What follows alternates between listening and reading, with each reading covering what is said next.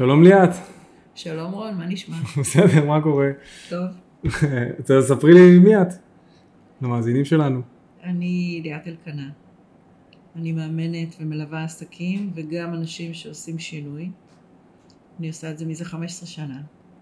לפני זה אני פשוט מומחית בשינוי, כי בעצמי עברתי כמה שינויים, והבנתי שזה קורה הרבה לאנשים בחיים, וכדי לעבור את זה נכון צריך לדעת איך לעשות את זה. אז אה, היות ואני הייתי בעברי חלילנית בתזמורת האופרה, ואחר כך הייתי מנכ"לית וואלה, גם. האופרה? אה, בחר- לא, של בשתי החברות? חברות עסקיות במכללות. וואלה. כן. ובסוף הגעתי לעולם האימון, ששם מצאתי את הייעוד שלי. בגלל הניסיון העסקי שלי, יכולתי להיות מאמנת של מוזיקאים, אבל בחרתי להיות מאמנת בתחום העסקי.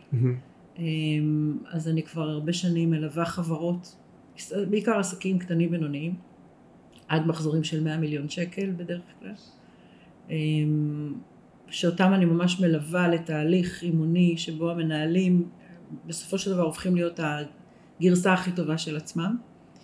והיתרון שלי, בגלל שהייתי בכיסא המנכ"ל, זה שאני יודעת לקחת אותם ביד במקומות שהכי קשה להם. אני לא דורכת עליהם, אני לא דורסת אותם, ואני גם לא רחוקה מדי, אני גם לא רק יועצת. אני לוקחת אותם יד ביד, ואני משתמשת בחוזקות שלהם, כי בסופו של דבר, האמונה הכי גדולה שלי, שהפתרונות והתשובות לכל דבר נמצאות אצל הבן אדם עצמו.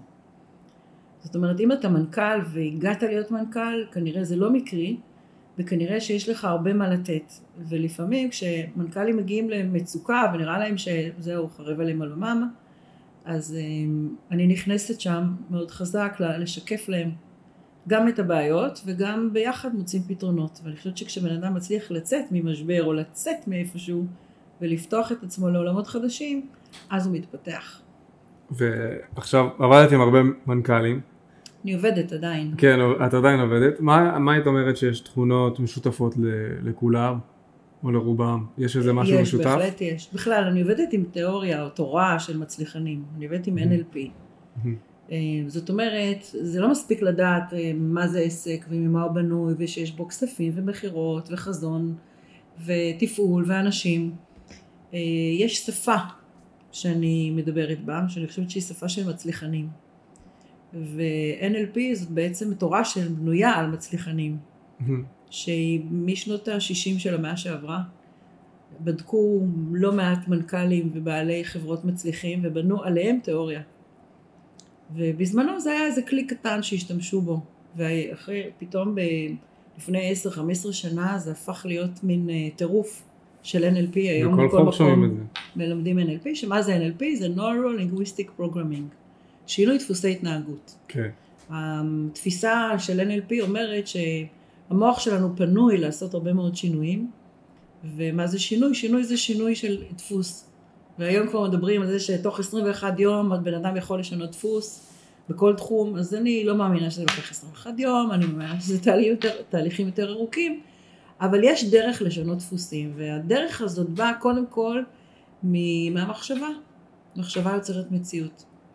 ואנחנו, המחשבות שלנו הרבה פעמים באות ממקומות לא ברורים לנו, מהתת מודע.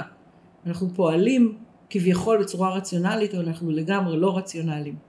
או שאנחנו מנסים לתת רציונליזציה למשהו שאנחנו לא יודעים למה הוא בכלל, למה הוא הגיע כרגע לאן שהוא הגיע אצלנו במוח. ואני חושבת שכשלומדים לדבר בשפה מסוימת, שהיא השפה של המצליחנים, אז לומדים אה, לקדם את עצמנו הרבה יותר בקלות, הרבה יותר בנעימות, ולהגיע לאופקים חדשים. כן, ואם היית אומרת שיש אופי נגיד שמשותף לכל מי שאת עובדת איתו? תכונות אופי לא... כן, יש, יש. אני ב- בשיטה הזאת אני עובדת קודם כל אה, על התכונות החזקות. זאת כן. אומרת, אה, אבל אם משהו אחד ספציפי שאת יכולה לומר שיש לכולם. כולם רוצים להצליח. כולם מוכנים לעשות הרבה כדי להצליח, מוכנים לשלם מחירים במקומות אחרים כדי להצליח, למשל במשפחה, למשל תחביבים, למשל משקל, למשל, אה, באמת, בעיקר אה, זמן. אה, כולם מבינים היום שכדי להצליח אתה חייב להשקיע, אתה חייב להיות טוב במה שאתה עושה, וזה לוקח הרבה זמן. וזה זה משהו שמשותף להרבה מאוד מנהלים, זאת אומרת, פועל יוצא שהם הרבה מאוד בלחץ. כן. ולחץ זה לא דבר טוב. זאת אומרת, יש לחץ שמניע אותנו לפעולה, אבל לחץ שהוא כל הזמן, אז קודם כל הוא כבר לא עושה את העבודה שלו, כי הוא כבר חלק מהחיים, פשוט לחץ. אמ, אני חושבת שהוא משפיע עלינו לרעה, זה ידוע, גם גופנית, גם מנטלית, ובסופו של דבר זה שוחק אותנו. אז אה, שחיקה זה דבר מאוד רע, אה, זה אולי דבר בלתי נמנע, כולנו נשחקים, השאלה אם אנחנו יודעים לעצור את זה, אנחנו יודעים לנתב את עצמנו, להתבונן על השחיקה, לעשות איזה שיפט, טוויסט בעלילה, להכניס דברים שמונעים שחיקה, אה, כי אחרת, אחרת הגרף יהיה לא טוב, אחרת גרף של פיק למעלה והרבה למטה. כן, ומה את חושבת שהתכונה שבאמת הכי מורידה את האנשים? אותם מנכ"לים שאת עובדת איתם? חוסר האמונה ביכולת שלהם להצליח. כן, חוסר אמונה? כמו שהם רוצים להצליח, מאותו מקום חוסר האמונה שלהם. זאת אומרת שכשמגיעות בעיות, או כשהם רואים, אה, שהם חווים כישלון, קשה להם לקום ממנו. עכשיו, מי מאיתנו לא חווה כישלון? כולם חווים כישלון. בשפה של, של NLP קוראים לזה יותר טעויות. בוא, עד שאתה נכשל, אתה עושה הרבה טעויות. כישלון זה כבר דבר קולוסלי, זה דבר שאתה צריך הרבה טעויות כדי להרגיש כישלון. גם מה זה כישלון? או, מה זה כישלון? יש כישלון, יש אה, חברה שפושטת רגל. יש uh, כישלון של uh, מנכ"ל שלא מצליח להביא תוצאות במשך uh, כמה שנים ברצף. Uh, יש גם בעלי בית, בעלי עסקים, שלא נותנים לך להגיע למצב של אה, הרבה טעויות ברצף.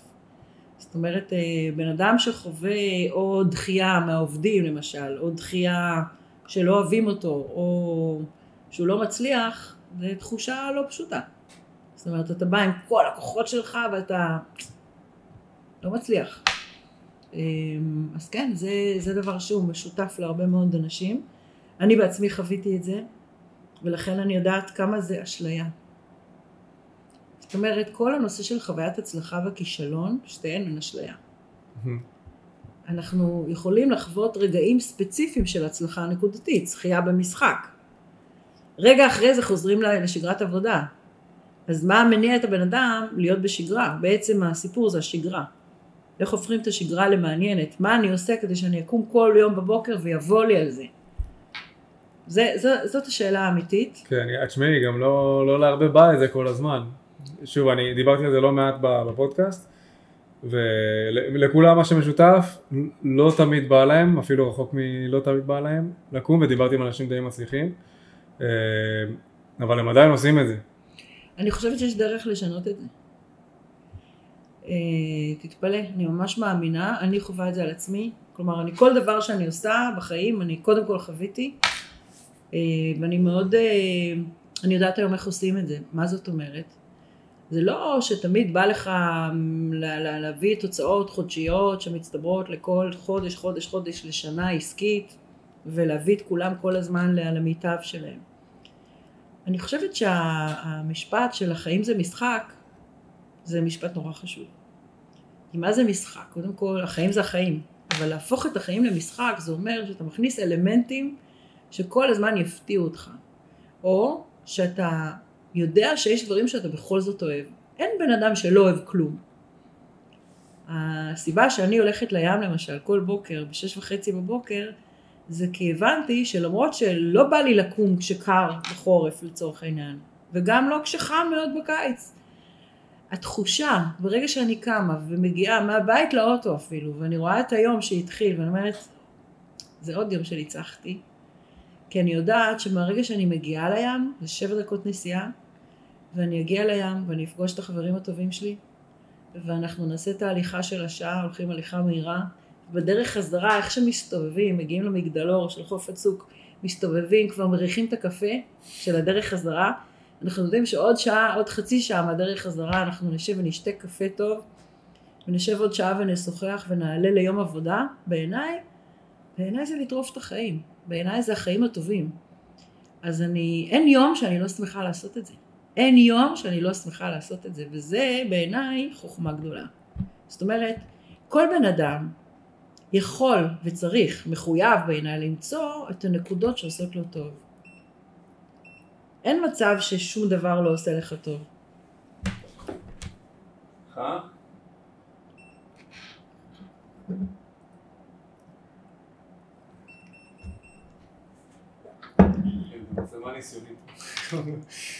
כן. בסדר? כן, בואי נמשיך.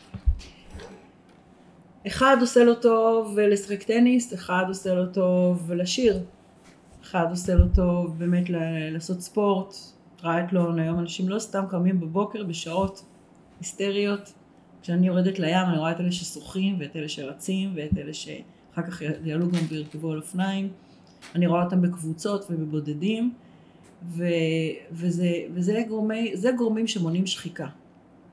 כי זה נכון שיש כאלה שאומרים אמ, אז מה, איך מתחיל היום? פוגשים אנשים, אנחנו פוגשים אנשים שואלים אותנו איך היום, אומרים, אין ספק שהחלק הטוב של, היה, של היום הוא עכשיו, מפה זה יכול רק להידרדר, אבל אומרים את זה בחיוך, כי אני חושבת שכשאתה עושה משהו שעושה לך טוב, זה נותן לך כוח לעוד דברים.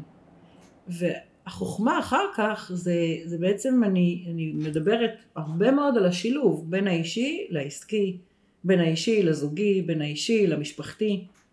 החיים זה מעגל, זה מעגל של המון תחומים, זה לא רק עבודה, לא רק ילדים, לא רק בני זוג, לא רק חברים, זה, יש לנו מהכל.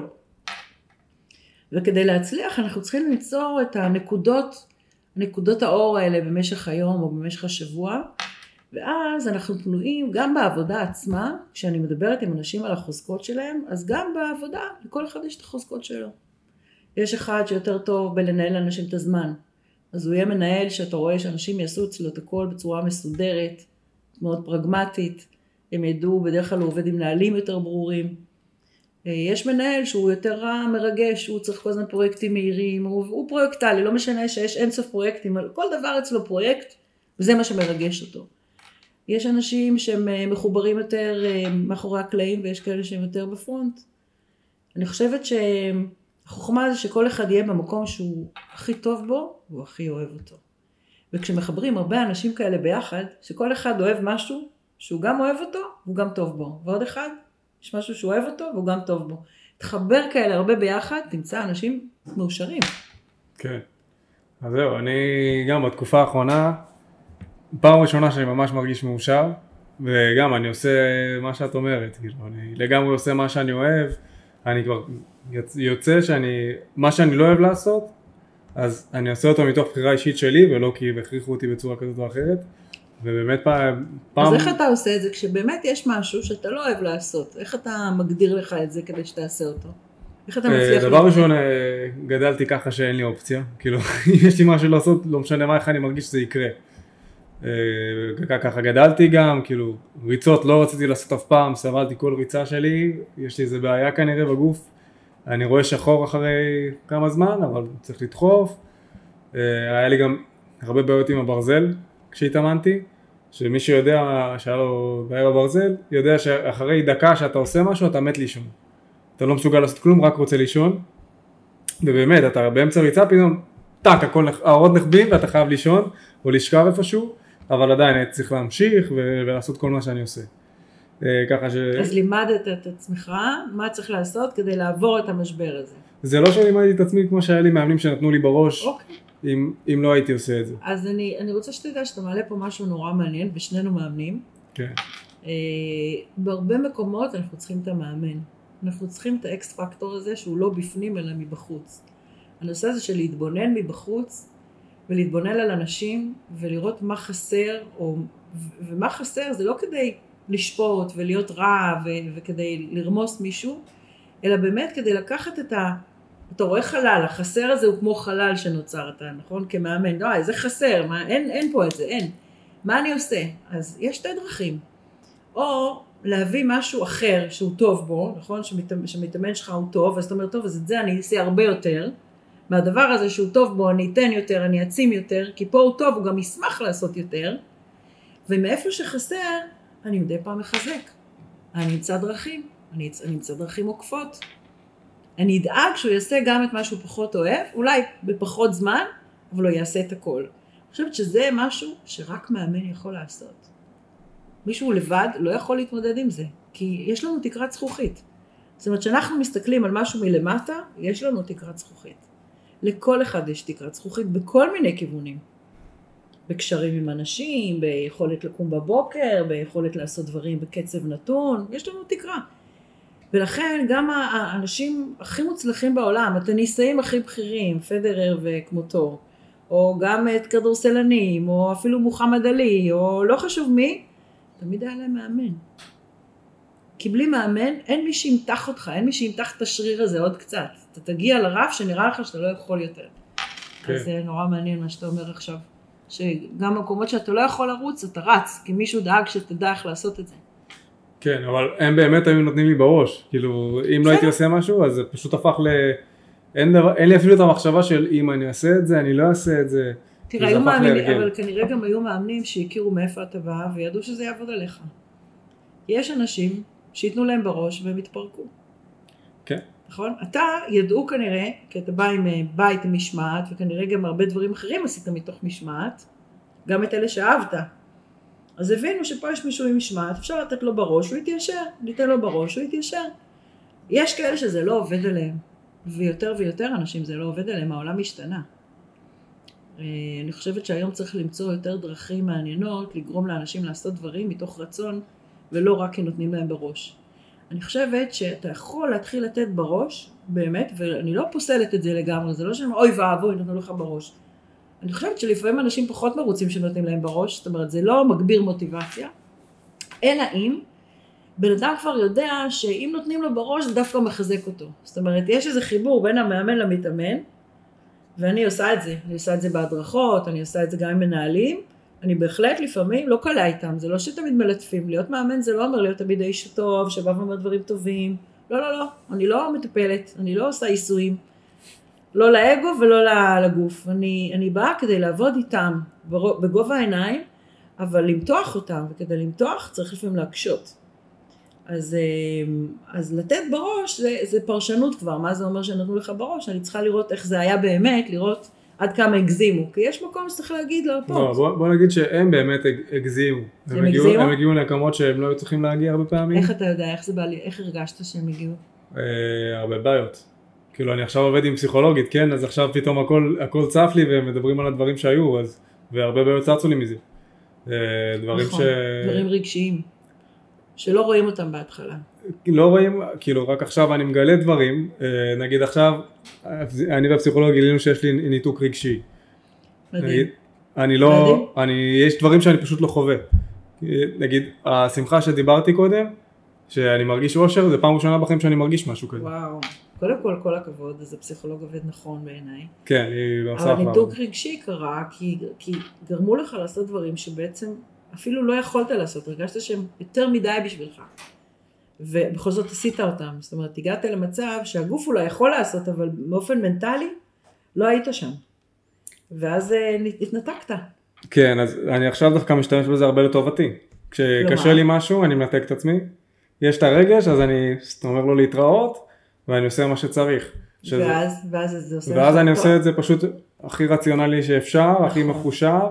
בלי, אין מקום לאיך הוא ירגיש ואיך זה ירגיש ומה אני אעשה ואיך יחשבו עליי. אבל אז לאן זה לוקח אותך כשאתה מתנדב? מחשב, פשוט אני מחשב. אבל מתי אתה צריך את זה? באיזה מצבים אתה צריך את זה? אה, תלוי. לרוב שאני עושה משהו שאני ממש לא רוצה. זאת אומרת יש עדיין מקומות כאלה.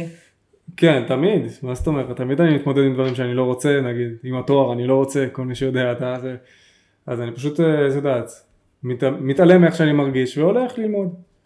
או עושה שיעורי בית, זה דברים שלא בא לי, שעושים לי לא טוב. תראה, יש לי הרבה מה להגיד על זה, אבל לא ניכנס יותר מדי לעומק, אני רק רוצה לשאול אותך, איזה אחוז מהחיים שלך זה מהווה? מה? הדברים שאתה לא רוצה לעשות, שאתה עושה אותם בצורה טכנית. אה, כל יום יש משהו מן הסתם. אבל ברמה של 10 אחוז, 20 אחוז או 40 אחוז מהיום? אה, יש, בוא נגיד שזה ירד משמעותית בתקופה האחרונה, 30 אחוז, 20 אחוז. זה עדיין הרבה. כן, אבל, אבל אני, אני חושב שזה... שזה עדיין הרבה. אני חושב שזה מקום דווקא שאני מתפתח בו, שהוא עוזר לי להגיע אוקיי, לפה. אני, אני חושבת שאנחנו לא נדבר על זה עוד עכשיו הרבה, אבל זה משהו שבעיקרון, אני מאמינה שאפשר לחיות כמעט בלי זה בכלל, בלי הניתוק הרגשי. זאת אומרת, באופן כללי, ניתוק רגשי מראה שאתה לא במקום הנכון. לא, לא באופן כללי, אלא משהו שם אתה עושה לא נכון. משהו שם, אתה לא מצליח לראות אותו בצורה כזאת שתתחבר אליו. ואז זה אומר, יכול להיות שאתה לא בשל לזה, יכול להיות שזה לא מתאים לך בדיוק, יכול להיות שאתה באמת אה, מרצה אחרים כדי שיהיו מרוצים ממך. אז זאת הייתה הבעיה שלי. שאתה מרצה. כן. עד לפני... אוקיי, אתה אומר גם לרצות, אם אני רוצה להפסיק או להיגמל מזה, אז אני צריך בהדרגה. כן. כי בעצם אה, תשאל, אה, יש הרבה אנשים היום, דווקא הדור שלכם, הדור הצעיר אה, לא מוכן, לא מוכן להשתעבד לרצונות של המבוגרים, למה צריך, והוא שובר הרבה כלים בזכות זה, שובר מוסכמות, הוא לא מוכן לעבוד בשביל בית, אם, זה, אם הוא חושב שיעבוד עכשיו 40 שנה. לא נראה לו לשעבד את עצמו 40 שנה למשהו. צודקים. אז יש פה הרבה, כן, אז הוא אומר, אני מוכן לעבוד שלוש שנים קשה ואז לנסוע לטייל. אני מוכן למצוא איפה לגור שלא יעלה לי כל כך הרבה, כי אני לא מוכן להשתעבד. זאת אומרת, המקום הזה של אה, לעשות משהו כי צריך, הוא הולך ומשתנה בעולם, ואני חושבת שיותר ויותר אני רואה, במיוחד אה, חבר'ה צעירים שאני עובדת איתם, שהם אה, אוהבים את מה שהם עושים. כן, אני מאוד אוהב את מה שאני עושה, כמעט את כל מה שאני עושה. נכון, וזה, וזה הכי כיף לי לשמוע, זאת אומרת, אתה כן נאבק על זה. כן, זה הדבר הכי חשוב לי. נכון. נגיד, מה, מה שאמרת עכשיו, לקנות דירה, זה נקודה שהכי רגישה הרי לכל הגיל שלי. אין לי סיכוי לקנות דירה בארץ. תשמעי, מה זה לקנות דירה? זה אומר אני משתעבד עכשיו לבנק נכון. למשך 40 שנה, לפחות, אם לא יותר. נכון. ואם קורה לי איזה פדיחה באמצע, הם מקבלים את הבית. אז למה נאבדו לי ה-X שנים האלה? שלא עבדתי כל לא כך קשה. לא כל כך מהר דרך אגב, הבנק לא נוטה בארץ לקחת את הבית, זה לא ארצות הברית. אמ, רק אם יהיה משבר, באופן כללי לבנקים יש כל כך הרבה spare שהוא יכול לתת לך grace של שנה, כן. יכול לעשות הרבה דברים כדי לעזור לך. אמ, תראה, ממילא אם לא תקנה בית, תשכור בית. אתה מבין? זאת אומרת, בסוף הכסף הזה ילך. כן, אבל השאלה לאן? כי אם אני עכשיו קונה בית, אני מקובע באותו מקום. נכון. אבל אם אני, אם אני משכיר, אם אני משכיר, אני יכול לגור פה, אני יכול לגור שם. אה, טוב, אנחנו לא ניכנס לנדל"ן, זה לא כן. תחום המומחיות שלי בהכרח, אבל אה, אני כן יכולה להגיד לך שגם אם אתה קונה ומחליט לעבור למקום אחר לתקופה, אתה יכול להשכיר. זאת אומרת, בדרך כלל בית בארץ לא מאבד את הערך שלו. כן. אז די, די כדאי לקנות, גם אם אתה קונה ב, לא בתל אביב, בפריפריה רחוקה, שמה, זה כדאי. או גם אם אתה מתחיל בחו"ל כדי לצבור קצת הון ואחר כך קונה בארץ, כדאי. זה דווקא נדל"ן בארץ זה משהו שכדאי להשקיע בו, גם אם זה, זה ב-700 אלף. מה? זה לא המלצה. לא? לא, אני ממליצה. לא יודע, אם מישהו עכשיו אה, יקנה וישיב. לא, אני ממליצה. אוקיי. בחום אפילו. אני יודעת, תראה, בגיל שלי יש הרבה אנשים שכבר אה, קנו מלא דירות. כל החברים שלי שקנו דירות, הרוויחו מזה. לא רק דירה אחת, דירות קטנות גם להשקעה, בכל מיני מקומות הזויים בארץ, פעם עכו היה הזוי, היום עכו כבר יקר. פעם אה, נשר היה, מה זה נשר, איפה זה נשר, היום זה מקום יקר. אז אה, נדל"ן בארץ הוא פשוט תמיד כדאי. ההמלצה שלי היא המלצה שלי, אני לא, לא בתור אה, נדל"ניסטית, כן? אני רק אומרת ש, שאני חושבת שלפני שחושבים, בקטע של לחשוב קצר או לחשוב לטווח ארוך, נדל"ן זה משהו שכדאי להתעסק איתו. כן. אז זה גם משהו שאני כנראה אתעסק איתו בהמשך, אבל שוב, צריך אה, חתיכת הון. אתה צריך חתיכת הון, לא הרבה, פחות ממה שנדמה. אתה יודע מה כן צריך, ואני רואה גם, דווקא את זה אני מאוד מעודדת, ואני רואה הרבה חבר'ה שעושים את זה, וזה משהו שלא היה בזמני, מלא קורסים. לך תלמד קצת על נדל"ן. וכל פעם קורסים של שלושה חודשים, לא שנים. ואפשר ללמוד מזה לא מעט. וכדי שיהיה לך שיקול דעת ולא תלך אחרי הראשון שאתה שומע ממנו איזושהי דעה, אז צריך לראות כמה קורסים, לעשות הצלבות. היום יש את זה גם באינטרנט, יש את זה בזומים ויש את זה פרונטלי. ויש קורסים שאפשר לקנות, אתה יודע, בגרושים, ואני כן בעד ללמוד על זה קצת, אבל זה אפשרי. פעם לא היה, כוח. לא היה איך ללמוד את זה. נכון. היום יש הרבה יותר איך ללמוד. אז לפני שקונים בכלל, אני מציעה ללמוד קצת. לא להתייעץ עם איש משכנתאות אחד ולקנות. כן, עכשיו, אני חבר מאוד טוב של הבת שלך. של ענבל. אה, בואי ספרי קצת, כי אני אישית חושב ששתיהן מאוד מוצלחות. מה, יעל וענבל? כן. אז ספרי קצת מה, איך, אם היה לך עקרונות כשגידלת אותם, ש... איזה חמוד של יפה. אה, כן, האמת היא שיש לי, אה, אין ספק שהייתה לי כוונה, ועד היום יש לי כוונה בגידול של הבנות, זה לא נגמר, זה לא הסתיים, למרות שאחת בת 27 ענבל ואחת בת 30 יעלי, אה, אני לא חושבת שזה אי פעם נגמר, זה משתנה, זה משנה כיוון, זה כמו המהלך של השמש, זה כל פעם משנה קצת זווית.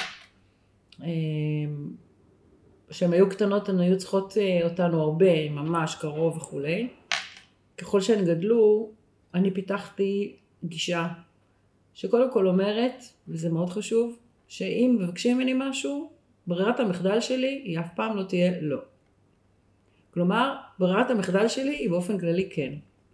מה זה אומר? אני רוצה לצאת עם חברות כן, אני רוצה לחזור בשתיים בלילה כן, אני רוצה כל דבר שהם רצו, אפילו אני רוצה להישאר בבית היום, כן, אני רוצה, כלומר, אני פיתחתי אצלן את היכולת לסמוך עליהן כי אני סומכת עליהן. זאת אומרת, הן סומכות על עצמן כי אני סומכת עליהן. אם, אם את מבקשת משהו, את יודעת למה את מבקשת? אני אפילו לא צריכה לשאול למה את מבקשת, אני קודם כל אומרת לך כן. כי אני מניחה שחשבת. אם טעית, את כנראה תגלי את זה די מהר. במקום שאני אגלה את הטעות, שהם יגלו את הטעות. אם יצאת עד מאוחר וראית שפתאום למשל אה, רק הבנים ואף בת לא נשארת וזה בעצם לא כל כך נעים לך, אז את כבר לא תעשי את זה פעם הבאה. אם את לא הולכת לבית ספר ואחר כך את נתקעת עם זה שהמורה מתלוננת עלייך ואת לא, לא יודעת איפה את נמצאת בשיעורים, אם זה לא אכפת לך, בעיה שלך. את מבחינתי תעשי את המבחן רק. אם את מצליחה להתמודד עם זה שאת אה, יוצאת בהפסקות לכל מיני מקומות, סבבה. מבחינתי העיקרון היה שאת לא עוזבת את בית ספר.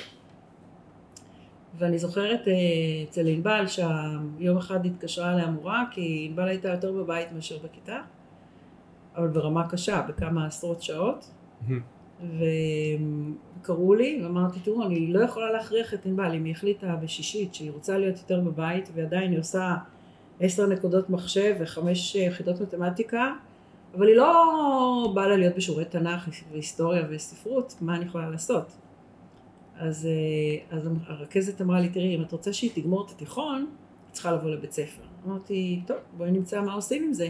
צריך למצוא משהו שהיא תעשה בבית ספר. אמרה, אין בעיה, היא תבוא בבוקר, אם היא לא רוצה להיכנס לשיעור, שתבוא אליי, לרכז את השכבה, אני אמצא לה פרויקטים, אני כבר אמצא מה שהיא תעשה, וזה באמת okay. מה אוקיי. שהיה. אז זה דוגמה לזה שהיה איזה משא ומתן על כל דבר. אמ, היום, אני חייבת להגיד, אני קצת רצה להיום, שהיום אני חושבת, אה, אחד הדברים שאני מאוד מאמינה בהם זה תכנון שנתי. זאת אומרת, לא יודעת כמה הילדים עושים את זה, אצלנו עושים את זה מגיל צעיר. מה אני רוצה שיקרה לי השנה, כל ראש השנה. אה, יושבים, זה חלק מחשבון נפש, אנחנו לא יהודים מאמינים ולא עושים את כל מנהגי התורה, אבל אנחנו כן יושבים ועושים חשבון נפש אישי. ויוצאים מזה עם תוכנית שנתית, של מטרות, של אה, מה הדבר שאם הוא יקרה אני אגיד בשביל זה היה לי שווה, גם בתחום המקצועי, גם בתחום האישי, אה, בתחום החברתי. אני חושבת שאולי מה שאני באמת מאמינה בו זה שאני מכבדת אותן. אני מכבדת אותן. אני בתור אימא, אני חושבת שיחסי אם ילדים, גם אב באותה מידה, אבל אני אימא, אה, זה להיות שם בשביל הילדים שלך. וזה התפקיד שלנו, להיות בשביל הילד, לא חשוב אם עכשיו ענבל לומדת והיא צריכה שאני אביא לה אוכל, אז אני אביא לה אוכל. אני לא רק אגיד לה, ענבל יש אוכל בואי לקחת, כי היא לא יכולה לקחת, כי אין לה עכשיו איך להגיע והיא לומדת. אז אני אסע עם האוכל.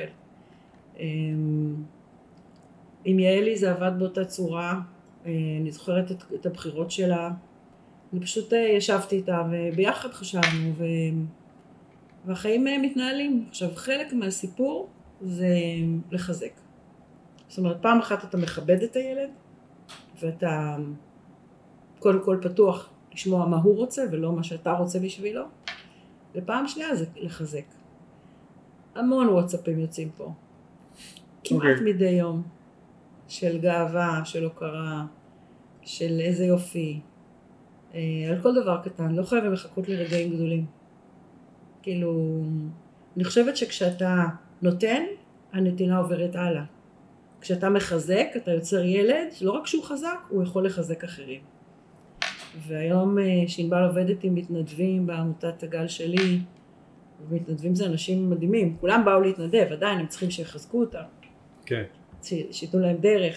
אמ, אז אני חושבת שהחוכמה היא לחזק, לכבד ולעבור יחד איתם את המשברים.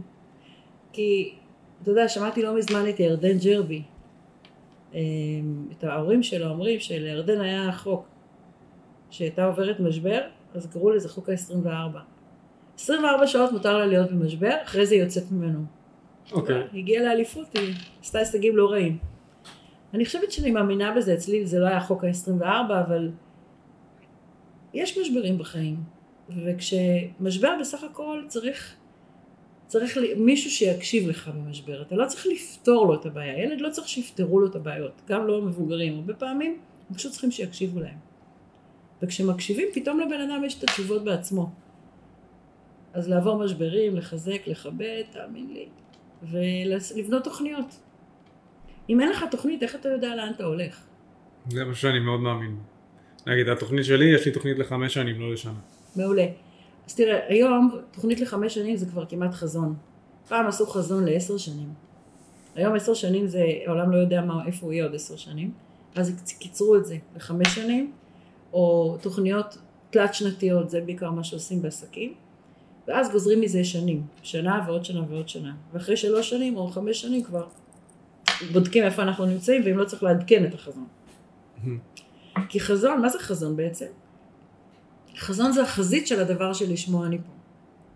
זאת אומרת, יש איזה רעיון גדול, שלמשל, אני נורא אוהבת לאמן ולהביא אנשים למקום שהם עושים את מה שהם עושים הכי טוב. זה יכול להיות בעסקים, זה יכול להיות אישי, עם הבנות שלי, עם חברים שבאים אליי ואני באמת אוהבת לעשות איתם כל מיני פרויקטים. כי, כי אני חושבת שבן אדם ממוקד הוא פשוט יותר טוב לעצמו. אז כשאנשים במיטבם הם עושים את הכי טוב שהם יכולים, אין סיבה שהם לא יצליחו. זה, זה כל כך קל. זה רק צריך להיות ממוקד. ו, וזה מה שעושים ב, ב... וזה המטרה הגדולה של בן אדם. ומתוך המטרה הגדולה אתה בונה חזון, שהחזון הוא בעצם החזית של הרעיון. כלומר, יכול להיות שהיום אתה מאמן טניס, וזה החזון שלך, חזון. עוד חמש שנים תקום, או תגיד, וואי, זה כבר לא כזה מעניין אותי. יש משהו שהוא תמיד יהיה אתה, הרצון ללמד, או הרצון להשפיע, או הרצון להעביר איזה תורה. יש משהו שאני צריך לבדוק אותו, מה זה בדיוק הדבר שהוא המהות שלך. הפרשנות כרגע זה אימון טניס. איך אתה עושה את זה? זה באמצעות הטניס. מחר זה יכול להיות משהו אחר. אז כמו, שאמר, כמו שאמרתי, זה חזון לחמש שנים, אני עוד חמש שנים כנראה, לפי החזון, אני לא מאמן טניס יותר. אלא אני עושה משהו הרבה יותר גדול מזה, גם אם אני לא טועה, אמרתי באחד הפרקים, אבל מה שבטוח כן כתבתי את זה איפשהו. החזון, לא עוד חמש שנים, אלא בגדול, כאילו אם אני עכשיו... זה לא החזון, זה המהות, התכלית כן. שלי. יש לך תכלית, מה היא? אתה יודע להגיד? מה התכלית? כן. ת, תגידי לי מה זה תכלית, אני אומר. למשל, מה הדבר שאתה רוצה לגמור את הטניס? מה זה הדבר היותר גדול שאתה רוצה? אז לפתוח בית ספר, שזה, ולא בהכרח של טניס, כן? נכון. בית ספר שהוא מלמד מהמם. את כל ה, מה שצריך מבחינת בית ספר, שאני מאמין בו, כמו שענבל לא, לא נכנסה לשיעורים. ככה, אני הייתי בשיעורים, אבל לא באמת הייתי. כי אתה מתנתק. כן, הייתי בטלפון. אז אה, כי לא, לא היה לי חשוב בכלל מה שלמדנו. אז היית רוצה ללמד איך, מה, למה? ללמד את מה שבאמת חשוב, שיעזור לאנשים בחיים הבוגרים שלהם, אם זה מה ש... כמו שאנחנו דיברנו עכשיו, לתכנן את המסלול בחיים הבוגרים, אה, איך מנהלים זמן, זמן, איך מס, מקבלים החלטות, החלטות, אה, פיננסי, פיננסים, חשבונאות, חד משמעית. אתלטיקה, איך ממצבים את עצמי. הכל, שזה, איפה זה. בבית ספר? איך זה קשור לטניס, אתה יודע? אז דבר ראשון זה, זה הבסיס, נכון. קודם כל, צמחת מאיפשהו, זה לא קורה מעצמו. ודבר שני, מה משותף לטניס ולמה שאתה רוצה לעשות? מה המשותף? דיסציפלינה, דיסציפלינה. וללמד. כן, אני אוהב ללמד. כן, אז יש ב... לך משהו שאתה אוהב את הקשר עם אנשים, אני אוהב את ואתה ה... אוהב ללמד אותם אני משהו. אומר לך מה הקשר אפילו ל- לעמוק יותר. נו. שכשאני מלמד, אז זה, כולם אומרים לי אתה מאוד תיאטרלי, ואמא שלי שחקנית. וואלה. אז אה, זה יותר מזה, זה לא רק שאני מלמד ואני עושה משהו, אני מאוד לא מאמין ב... לא שאני לא מאמין, אני פשוט לא כזה, אני לא אוהב לתת בראש לאנשים. אני אוהב לרקוד איתם, לא, כאילו, להיות איתם. לעשות איתם את זה. בדיוק, להיות אני, איתם אני איתם, באינטראקציה. אני רואה איך, איך הם מגיבים, אני מגיב, אני רואה את הסוג בן אדם, אז אני מתאים את עצמי לסוג בן אדם, ואני רוקד איתם, ואני עושה שואו כמאמן, ואני עושה שיהיה להם טוב ושמח. אה, המשחק, המשחק, משחק, מדהים. בדיוק, החיים זה משחק, כן, זה בדיוק זה. זאת אומרת, אין ספק שהתכלית שלך זה ללמד. כן, אני לגמרי? שם. והדרך שלך היא כל, לבנות כל פעם משהו אחר, שכנראה תבנה כמה דברים בחיים. פעם אחת כן. זה הטניס, אחר כך זה, זה מכללה או משהו שאתה רוצה. ואם אני יכולה להציע לך משהו בעניין הזה, קודם כל זה נהדר, כי זה מראה שאתה מחובר ל, ל, באמת למהות ולפשן שלך, יש לך שם איזו תשוקה. שזה, זה, אתה יודע, אני מאמינה מאוד גדולה, שמישהו שעושה משהו שהוא כל הזמן נדבך על נדבך, אז הוא במקום הנכון לו. זאת אומרת, מישהו שרוצה רק מהר, באים אליי חבר'ה, אני רוצה הרבה כסף. בהם כסף שזה לא משמעות. כסף הוא בעצם, הוא כלום. כסף הוא דלק. בדיוק, הוא יכול להיות מניע לעשות דברים שאתה רוצה, הוא ייתן לך, הוא כלי. אבל אתה לא יכול לישון עם כסף, אתה לא מחבק כסף, אתה לא יכול לדבר עם כסף, כסף הוא כסף, יש כאלה שכן. אין לו ריח, לא, אין מה לעשות. זה נהדר שיש לך הרבה כסף בחשבון, עדיין מה תעשה איתו, אוקיי? זה בסדר שהוא נותן לך שקט נפשי, עדיין מה תעשה איתו, אוקיי? ו... ולכן אני, אני מאוד שמחה שאצלך הנדבך על נדבך בעצם אומר שאתה נמצא במקום שאתה רוצה להתפתח בו. כי רק לעשות משהו כסף זה לזמן קצר, זה כנראה ייגמר ואז תמצא את עצמם, אנשים מוצאים את עצמם מול שוקת שבורה. מה, רציתי לעשות כסף. אתה גם לא יכול לעשות המון כסף אם אתה רואה דברים רק לטווח קצר. זה ייגמר, תקרת זכוכית אמרנו. כשאתה עושה משהו שאתה כל הזמן להתפתח, כנראה גם הכסף יכול כל הזמן להתפתח. אוקיי? אז זה, עצה אחת, זה באמת למצוא את הדבר שכל הזמן רוצים ללמוד בו. ודבר שני, וללמוד זה לאו דווקא באוניברסיטה, כן? זה, ללמוד זה ברור. לפתח משהו, כמו שאני עכשיו מפתחת עוד עסק ועוד עסק, זה אחד. דבר שני, אם אפשר, אם זה מתאפשר, אני מאמינה בזה שלא כדאי לזרוק את מה שעשינו. זאת אומרת, אם אתה בונה היום לצורך העניין בית ספר לטניס, סתם, נותן דוגמה, אני חושבת שהיה נהדר אם היית מצליח שיהיה לך כמה מוצרים מהבית ספר האלה, שגם, מהבית ספר הזה, שגם אם אתה תפסיק ללמד טניס, הם יישארו ויהיו הכנסה פסיבית שלך. אז זה יש לי, זה חלק מהתכנון. זה חשוב. זה, אני עכשיו, זה לא סוד, כן, אז יצאתי בגיוס המונים של, של הקורס טניס שלי. שזה קורס טקטי, שאין אותו, הוא לא קיים משהו דומה לזה בעולם. אה, אז אני רוצה ללמד את את התורה שאני כאילו, אפילו אפשר לומר המצאתי, כן? והלבשתי על טניס. שהיא באמת, זה, זה לא היה דבר כזה. מדהים. זה, זה, זה מה שאני משאיר אחריי, זה התרבות שאני משאיר. מעולה. זה מאוד חשוב. כלומר, לא לזרוק את מה שאנחנו עשינו, אלא לבנות, להשאיר את זה, זה שלך, בנית. כי מה שקורה בסוף, לצערי, החיים קצרים. זאת אומרת, בגיל 20 זה נראה שיש עוד המון זמן. בגיל 30 פתאום מבינים, אופס, תכף בורח לי. בגיל 40 כבר אנשים אומרים, מה שלא עשיתי אני לא אעשה. זה לא נכון, היום אנשים עושים עסקים גם ב-50 ו-60. מה שכן, יש לנו גבול, אין מה לעשות. ואם אנחנו יודעים מכל דבר שעשינו בכל עשור לשמור משהו לעצמנו, שיחקנו אותה. אם אנחנו לא יודעים לשמור, זה קצת בעיה. מגיעים לאיזה גיל ויש שחיקה ולא שמרנו משהו, לא רק כסף, אלא דברים שעשינו. אז יש כאלה שזה בית, יש כאלה שזה הילדים שגידלנו, אבל גם בתחום העסקים, אני מאמינה שצריך לחשוב ככה. איך לא לאבד, במיוחד אני מדברת על עסקים, לא על שכירים, כי שכיר עובד והולך מהעבודה, והעסק שהוא של בעל הבית שלו, נכון? אבל לעצמאים, איך אתה יכול לשמור משהו מכל מה שעשית? ולא לזרוק ולעשות עוד פעם, לזרוק ולעשות עוד פעם. כן, אז זה, זה, זה נגיד משהו שמאוד אני חשבתי עליו. מדהים, מדהים, כל הכבוד. אז שאלה הבאה זה, אם עכשיו את שולטת על העולם, מה את עושה? קודם כל שלום. אה, מה אני עושה? אני דואגת שאחד ילמד את השני. זאת אומרת, אין סיבה שיהיה עוני בעולם, אם אתה שואל אותי. הבעיה המרכזית היא שכל הכסף כמעט נמצא אצל, אצל 6% מהאוכלוסייה. 94% מהכסף נמצא אצל 6% מהאוכלוסייה. לא הגיוני. זה לא הגיוני. אני חושבת שיש מספיק כסף כדי לדאוג לכולם. זאת אומרת, העולם שלנו הוא קטן, הוא לא כזה גדול. יש כמה מיליארדים. אני חושבת שאין סיבה שיהיה עוני באפריקה, ואין סיבה שיהיו מלחמות, בטח לא מה שקורה היום באוקראינה. אין סיבה. הנושא הזה של אגו והיצר הזה, אנחנו כבר מפותחים. מצד אחד יש בינה מלאכותית, ועוד מעט ישלטו במוח של האנשים, וכבר הכל אה, חצי טכני, וזה בסדר, כי ישמרו את הדברים המעניינים באמת. מצד שני, אנשים מתנהגים כאילו לא התקדם פה כלום. וזה מאכזב. אז אם הייתי יכולה לשנות משהו, זה את זה. שלא יהיו מלחמות ולא יהיה עוני. אין סיבה בעולם. בעולם הקטן הזה, ומה- יכול להיות שיש עוד יקומים דרך אגב. יכול להיות, אפילו נראה לי די הגיוני.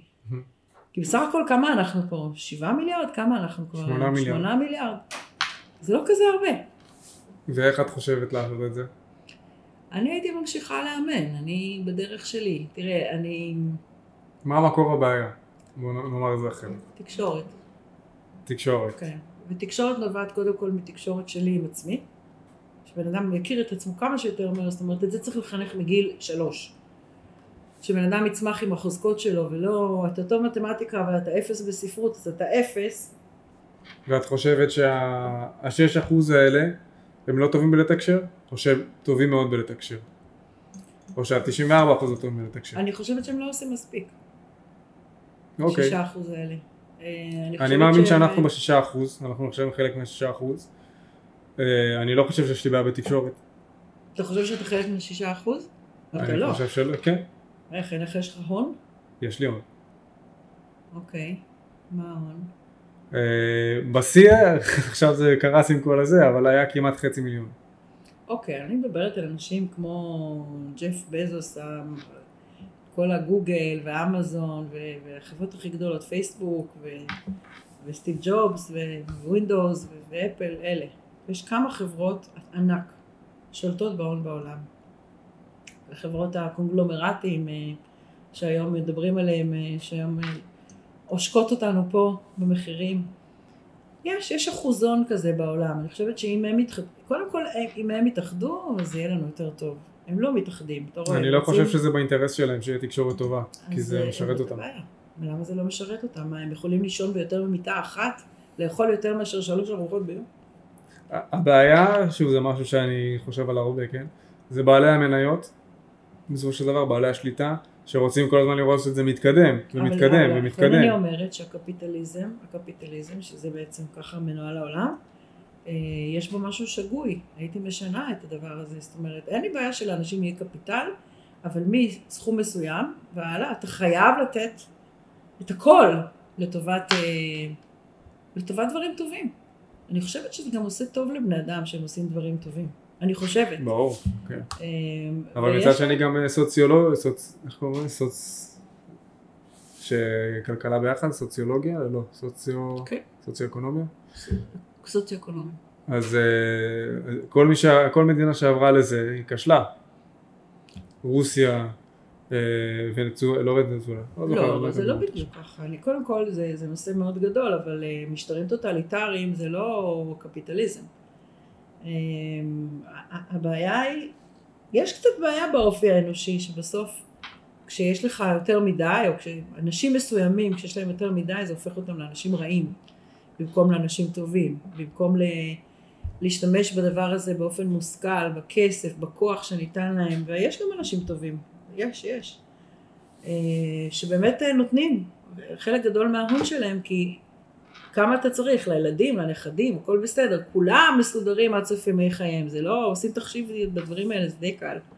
וגם אתה רוצה שהם יתאמצו, אתה לא רוצה שהם רק ינוחו כל היום. אז אחרי שאתה דואג למשפחה שלך, מה אתה עושה עם הכסף הזה? פעם אחת אתה עוסק בפיתוח, ופעם שנייה אתה חייב לחלק כסף לעולם. אני חושבת שזה רק יעשה טוב.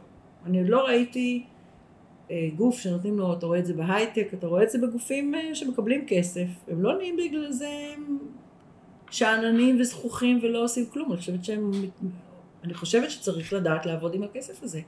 נכון. וזה אותו דבר לכלכלות עניות, יש מה לעשות.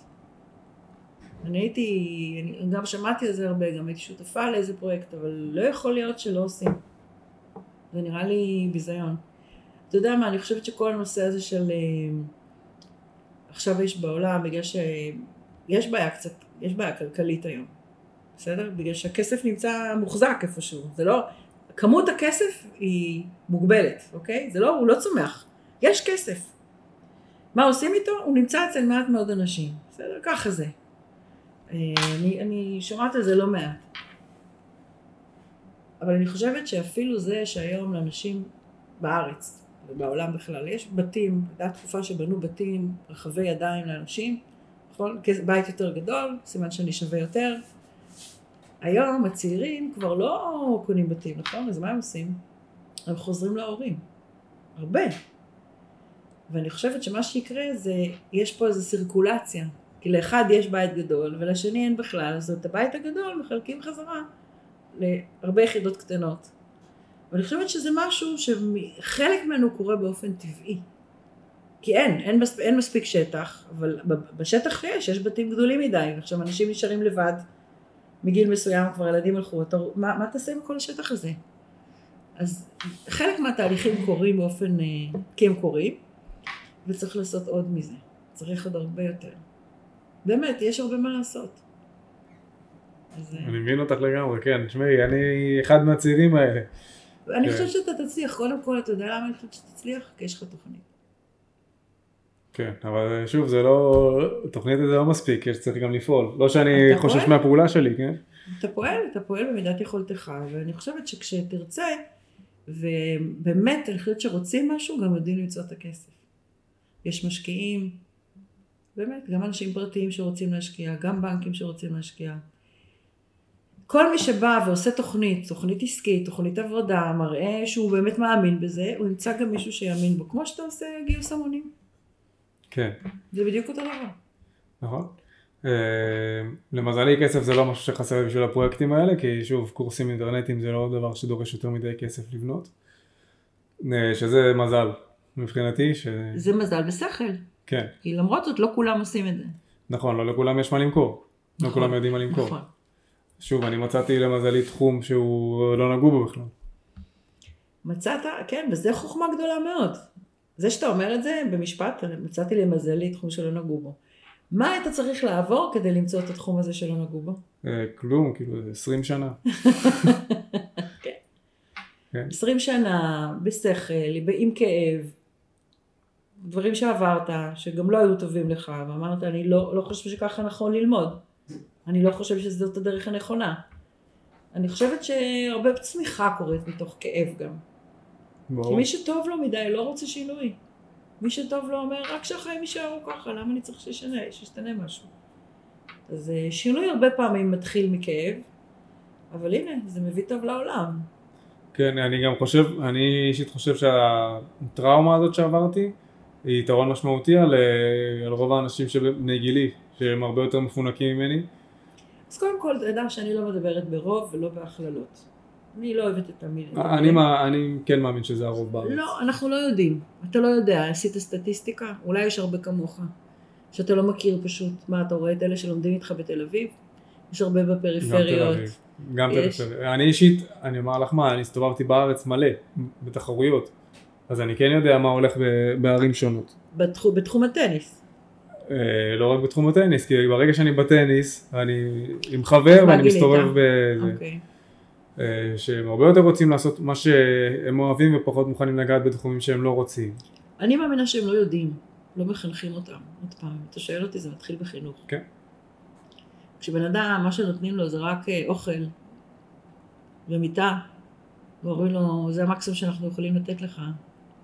מדובר על הורים שאין להם ידע ואין להם השכלה, והתקשורת שהורגת אותנו ומאכילה אותנו בכפית, רק תשבו ותראו טלוויזיה כל היום.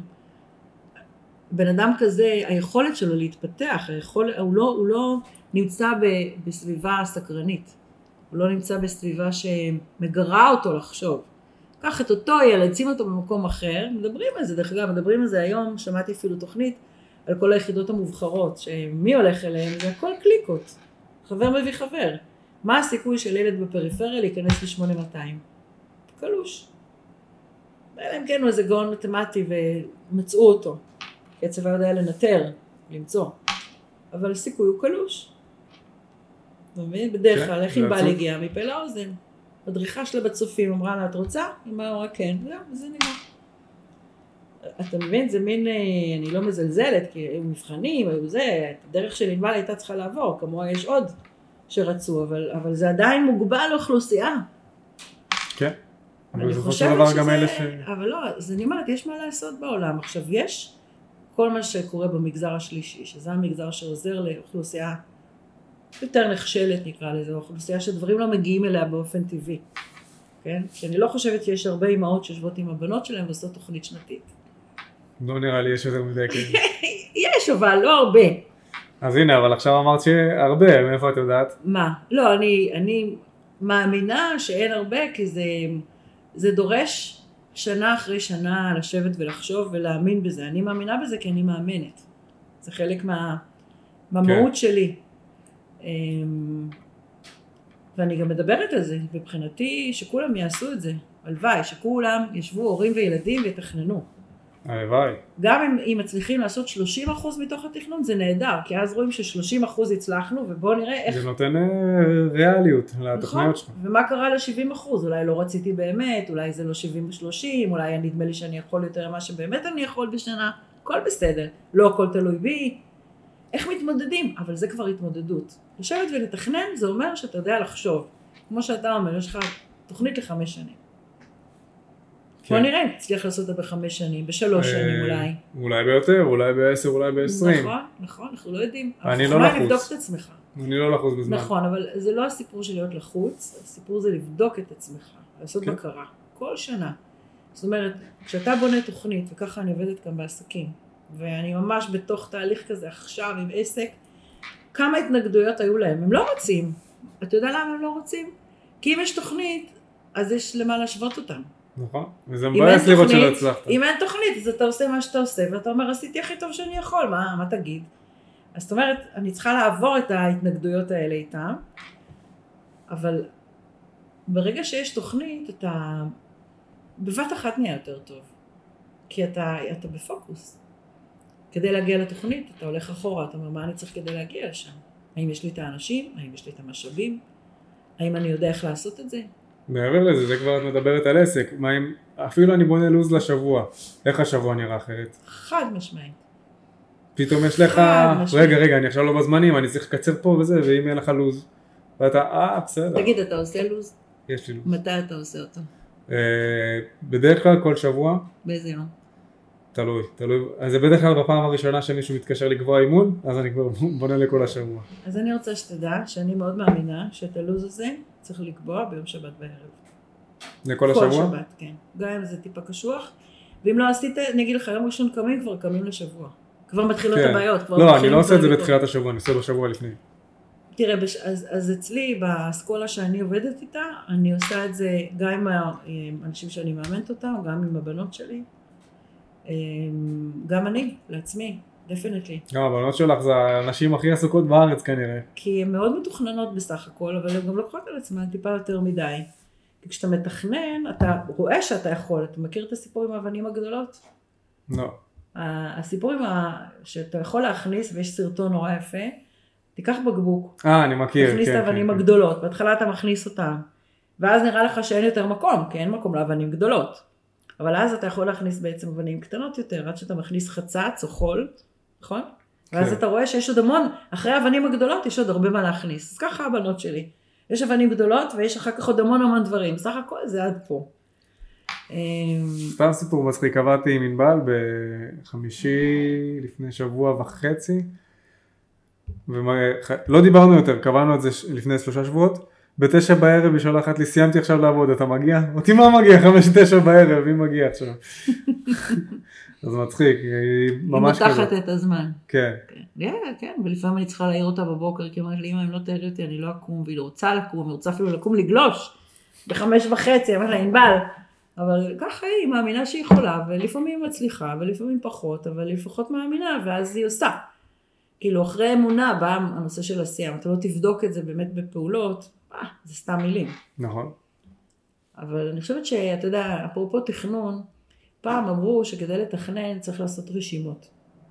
אם אתה רוצה לדעת מה אתה צריך לעשות, תכנון שבוע, תעשה רשימה, מה אני צריך לעשות בשבוע, נכון?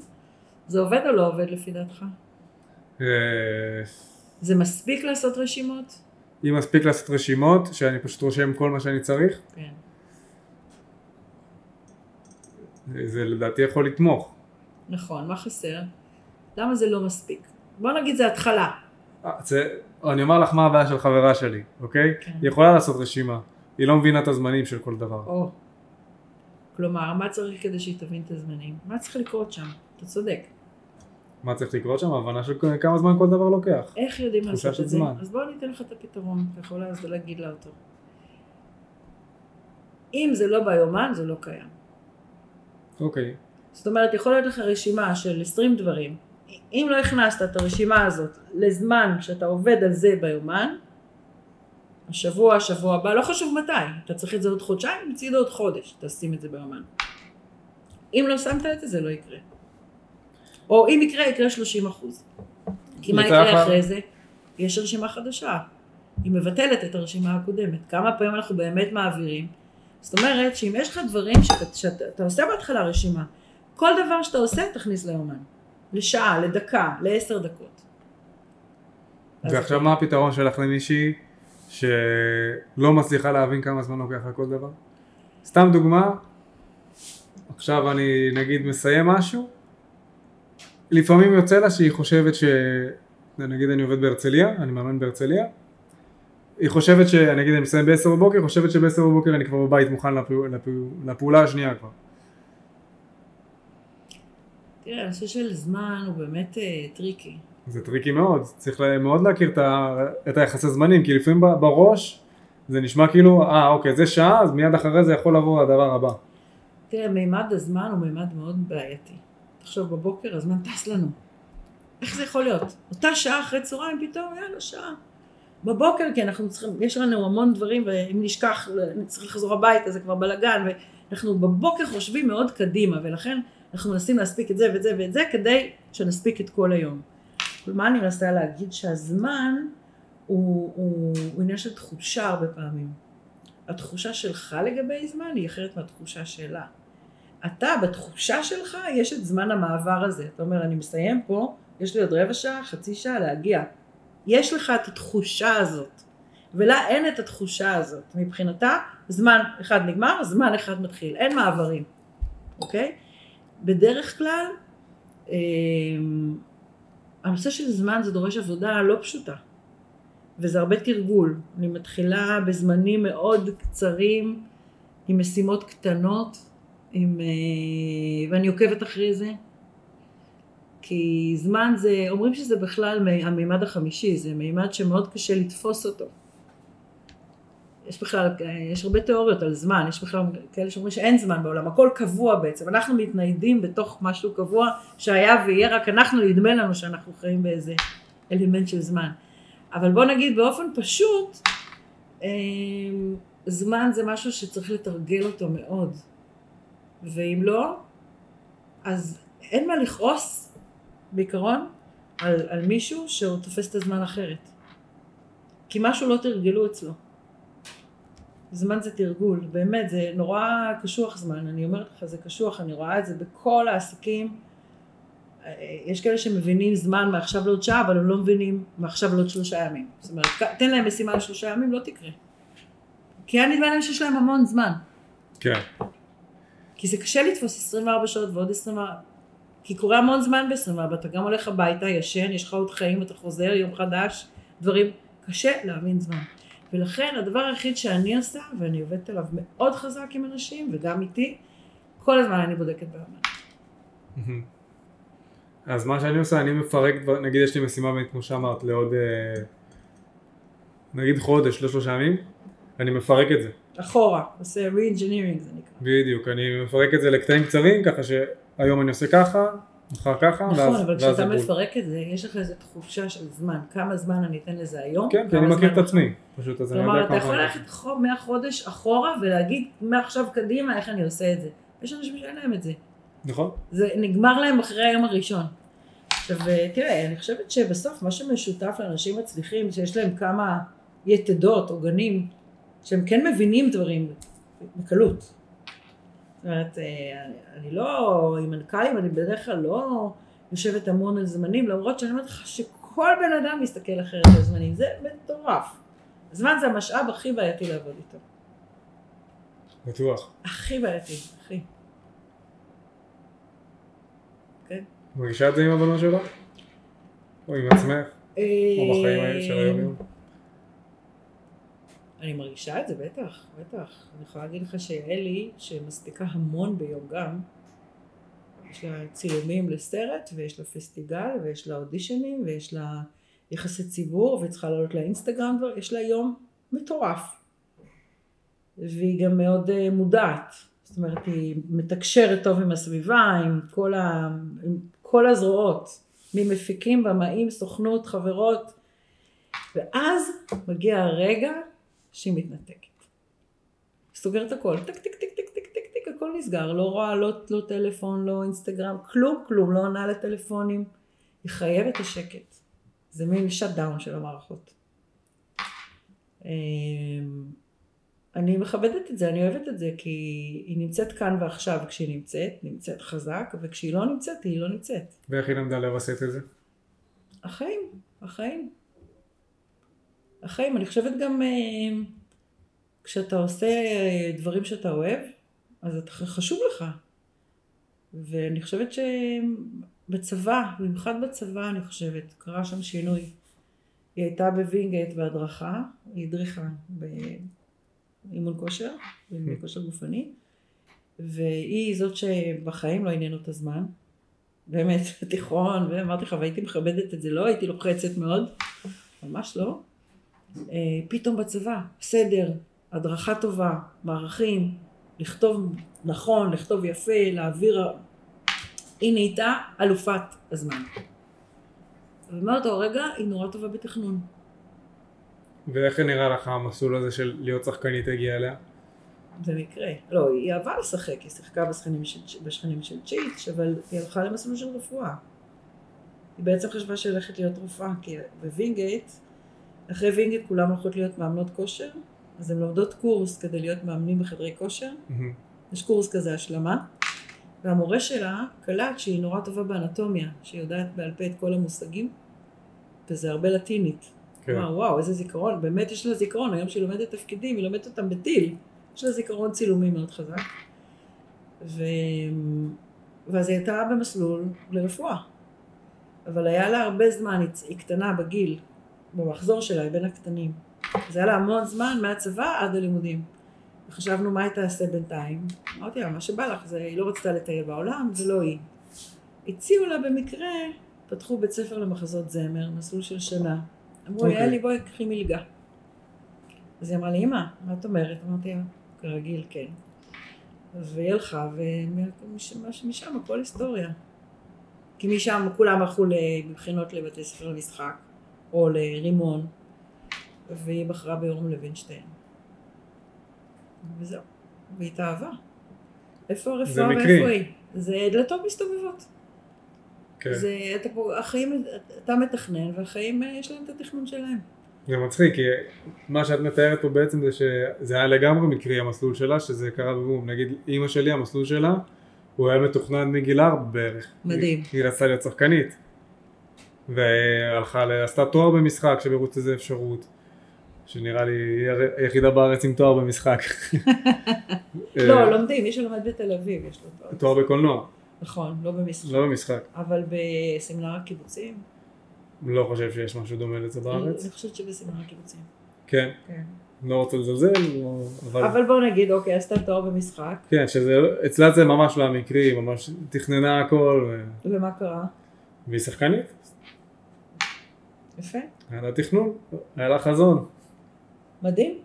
כן, אם, אם אתה אוהב משהו ואתה עושה אותו מגיל צעיר, זה מה שאמרתי קודם, אתה בונה את זה נדבך על נדבך, יש הרבה סיכוי שאתה גם תהיה מאושר, כי בסוף אנחנו רוצים להיות מאושרים, ו... וסיכוי שאתה תהיה גם טוב במה שאתה עושה, כי אתה עושה את זה כבר הרבה שנים, ואיך שלא יהיה, אתה כבר סופג המון דברים, ואתה נהיה מומחה במה שאתה עושה, אתה טוב במה שאתה עושה. כן. אז זה עובד. דרך אגב, אפרופו אושר, אני מאמינה שאושר בנוי משני חלקים. וזה אולי בשורה, okay. אוקיי. שאנשים ידעו. העושר בנוי מחלק אחד שהוא נקרא להיות שמח בחלקי. זאת אומרת, אם בן אדם, או כשבן אדם באמת יודע לקום בבוקר ולעשות משהו שטוב לו, ולאכול מה שטוב לו, וללכת ולמצוא את העבודה שטובה לו. כלומר, בקטן, לא, לא, עדיין לא מדברת על משמעות, אלא state of mind, state of mind של בן אדם שהוא שמח בחלקו. לא קורבן, לא מרחם על עצמו, לא, אלא פשוט קם, ואפשר ללמוד את זה אפילו. זה גם, אומרים שזה גם גנטי, 50 אחוז באסה, אבל 50 אחוז אפשר ללמוד להיות שמח בחלקי, ואפשר להשליך על ה-50 אחוז הפחות. אבל זה חלק אחד של אושר. זה חלק שהוא יותר קל, כי אתה לא צריך להיות בשביל זה אמ, לעשות דברים גדולים בחיים. החלק השני קשור לחיפוש אחר משמעות. זאת אומרת, מה שאתה עושה, אתה מאוד מחפש משמעות. וחיפוש אחר המשמעות, אנחנו יכולים עד יום מותנו. זה לא נגמר. אנשים שעושים דברים, אתה רואה, אנשים ל-60 ו-70 ו-80, והם לא, לא נס ליחם, הם כל הזמן מין רעב כזה, עד יום מותם. אז מה, הם לא יהיו מאושרים? לא. העושר שלהם הוא בחיפוש אחר משמעות. זאת אומרת, לעשות דבר משמעותי ולעבור מדבר לדבר ולחפש משמעות, זה עושר. אז זה שני חלקים. אחד זה איך אתה מנהל את היום שלך. ניהול זמן גורם לאושר. אתה מבין? זה בכלל לא קשור לדבר הגדול הזה. כן. אז, אז אני דווקא עכשיו, אני לא בחיפוש אחר משמעות, אני מרגיש משמעות במה שאני עושה עכשיו כבר. זה, אז... אתה מחפש. מה שאתה עושה, אתה מחפש בדרך שבה אתה עושה את זה. Okay. כל אוקיי. יום שלך הוא חיפוש. אתה לא צריך לחפש את הדבר הזה, אתה עוסק בו. כן. כי אני אגיד את זה במשפט אחד, זה לעשות דברים משמעותיים לאורך זמן. ולא לחפש את המשמעות כל הזמן, אלא זה לעשות דברים משמעותיים לאורך זמן. וזה מה שאתה עושה. אתה עושה כן. את זה כן. כל יום. כן. תשמעי, ברכה, כן, שהצלחתי לעשות משהו כזה. אתה, כן, זה, זה ברכה, אני חושבת שמגיע לך הרבה, הרבה נקודות זכות על זה. כן, בוא נקווה שזה יחזיק, אני מקווה זה, מאוד שזה... זה, לא, אני אומרת שזה בכלל לא משנה. זה, זה, מה שמשנה זה שאתה הבנת בגיל צעיר שזה מה שאתה רוצה שיקרה לך. דרך השלילה, דרך זה שלא אהבת את מה שעשית או איך שעשית, אתה לא ויתרת לעצמך. ומצאת שיש דרך שאתה יכול להיות מרוצה. כן. ולהתעסק בדברים שאתה אוהב.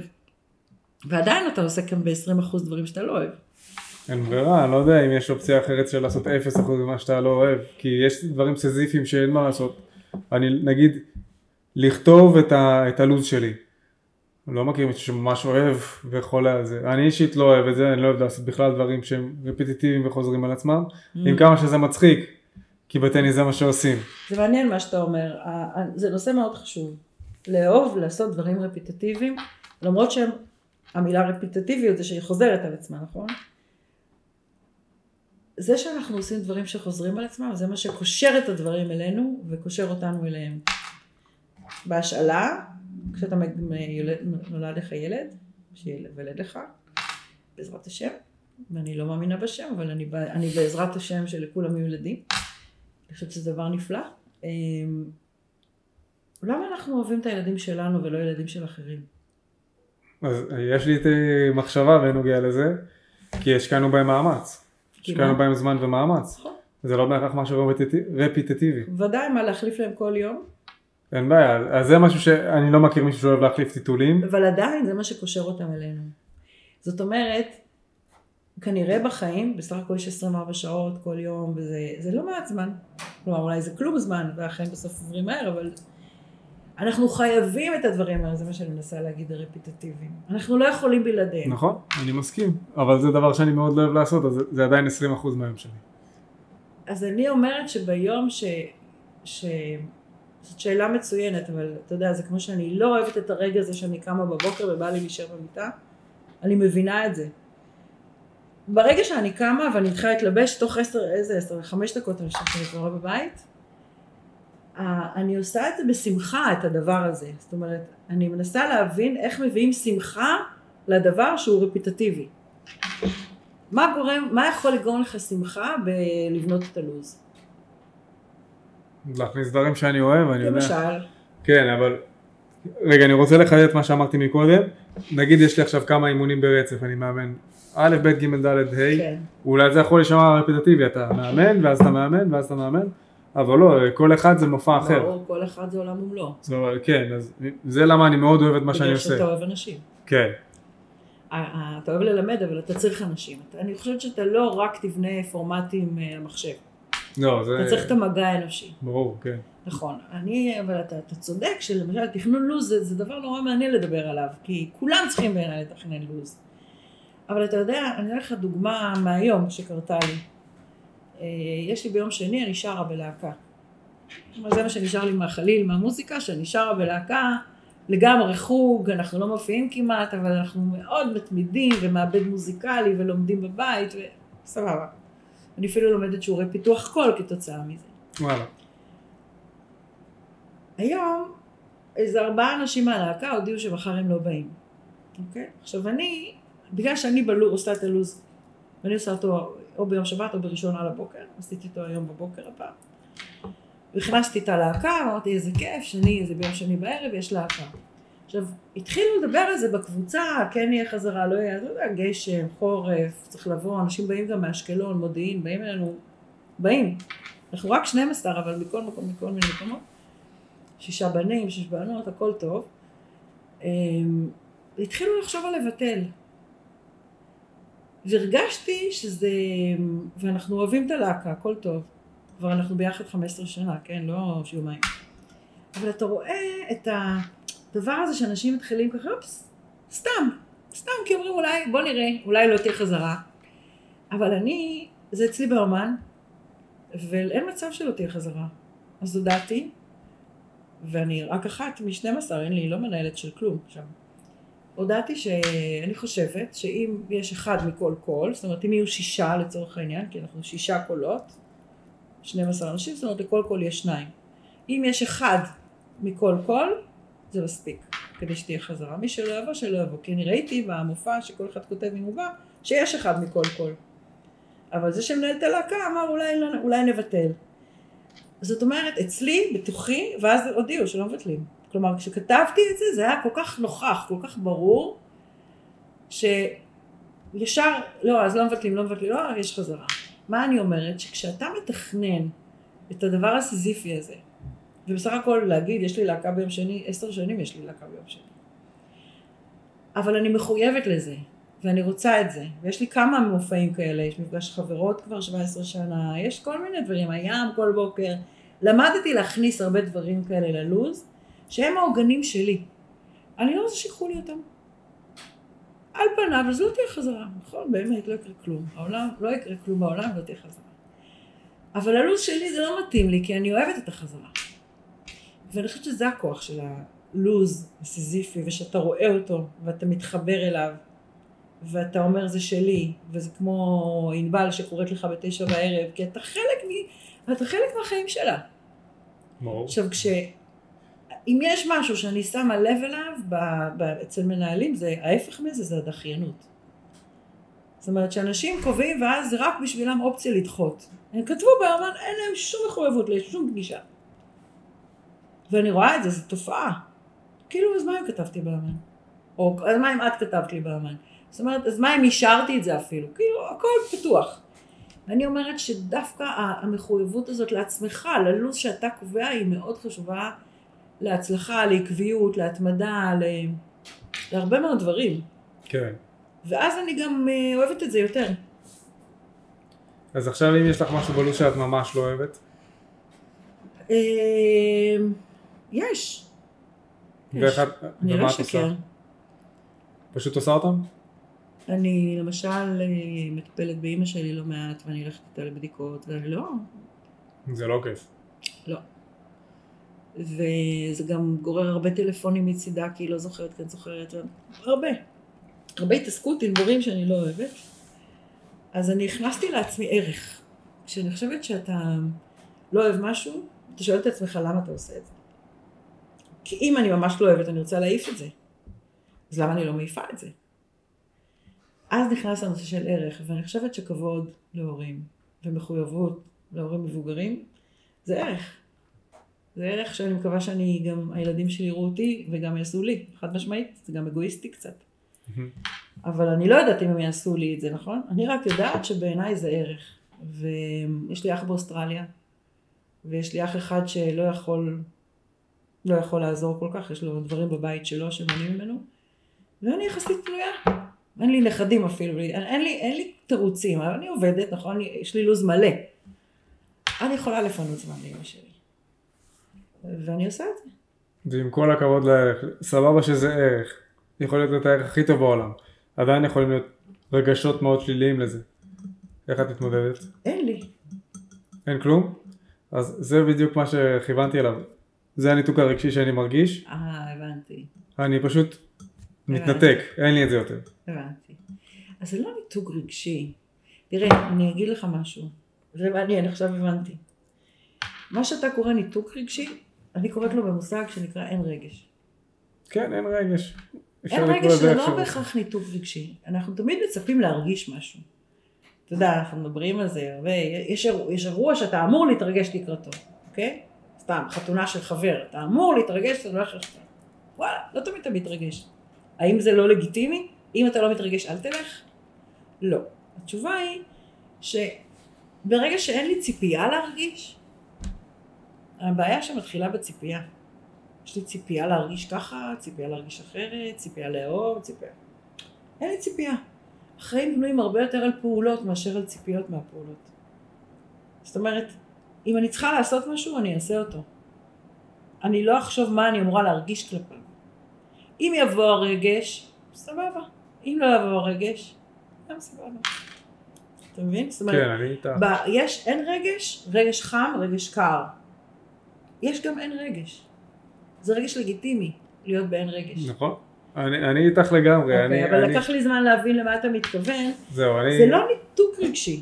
כי ניתוק רגשי אומר שאתה לא יודע כאילו, זה מין, זה מין, אה, בניתוק רגשי בעיניי יש כאב. אתה- אתה מבין? משהו כואב אז אני מנתקת את עצמי רגשית כמו אונס. אז הרבה בנות חוות ניתוק רגשי, כי הן לא רוצות לחוות את מה שהן עוברות, אוקיי? אז זה לוקח אותי לשם ניתוק רגשי. אתה מבין? אלימות לוקחת לניתוק רגשי, כל מיני הייתה חוויות גם. אלימות. שהייתה אלימות קשה גם. כן. לא היה אלימות בצחוק של אה, כאפה פה, סטירה שם. אתה נראה טוב יחסית למי שעבר אלימות. אני וזה מש- אני קצת משתדל. מנטליות אה, משתדל. רוסית, אה? כן. אה, אבל עדיין, כאילו הניתוק הרגשי הזה, זה- אני אומר את זה ככה, לא הרגשתי כלום הרבה שנים. כן, אז ברור שהיה שם איזה... וכולם, אה, ומצחיק, כי אנשים אומרים, "אה, אתה כל הזמן אדיש, אתה כל הזמן אדיש. אני לא אדיש, אני פשוט לא מרגיש כלום. זה, אז זה, אתה לומד להרגיש? אתה פסיכולוג מלמד אותך? אה, זה תהליך שהתחלתי לפני כמה שנים, אני כן מרגיש כבר, התחלתי להרגיש שוב, ופשוט זו הייתה תקופה מאוד שעברתי הרבה דברים, זה היה בסביבות גיל ה... מ-17-23 כזה, שעברתי הרבה, ואז, מאז אני כן, נגיד, יש לי ידידה שמתחתנת שאני מאוד אוהב, אה, קוראים לה אביטל, והיינו ביחד, כאילו היה לנו קטע פעם, ופתאום ראיתי את החת... שהיא מתחתנת, שלחה לי את ההודעה שהיא מתחתנת, וממש התרגשתי בשבילה, וזה משהו שבחיים לא קרה לי, וואו. שהתרגשתי בשביל מרגש. מישהו אחר. נהדר, נהדר. אז גילית את זה. כן, מדהים. טוב, אתה יודע שענבל היא שיא הרגש. כן, ענבל, כן. ענבל אלופה. ענבל בשבילי, לפעמים. ענבל יופי ברגש. אלופה, באמת. וזה מצחיק כי האינטליגנציה הרגשית שלי היא מאוד מאוד גבוהה.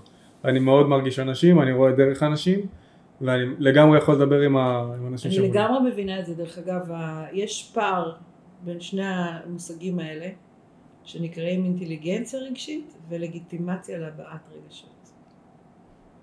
לגיטימציה להבעת רגשות זה רגש טבעי, זה רגש של עצבים, זה רגש של אהבה, זה רגש של קנאה, זה רגשות, יש מנעד של רגשות.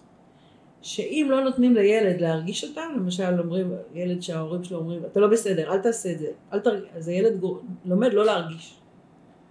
אתה כנראה למדת הרבה מאוד לא להרגיש.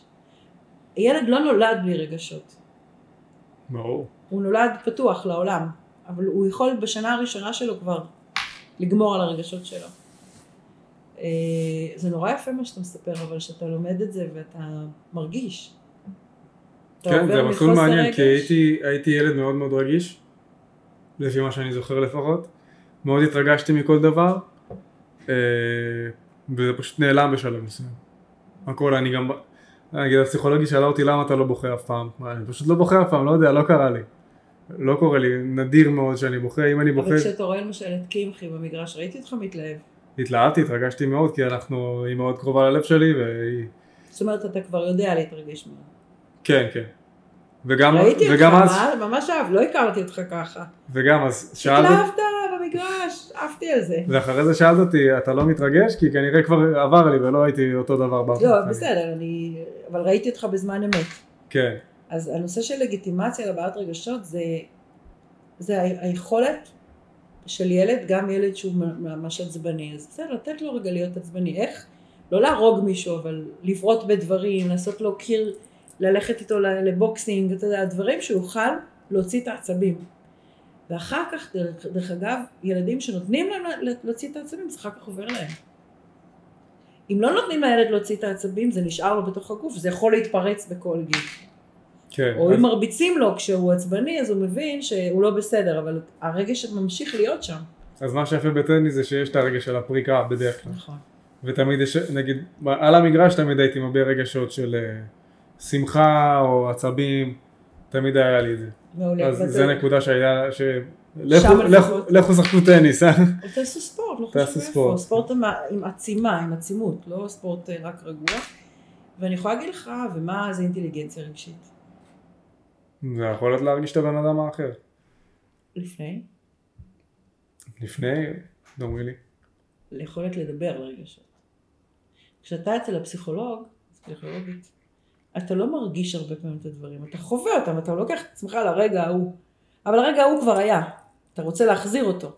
אז בעצם מה אתה עושה? אתה מדבר על הרגע ההוא.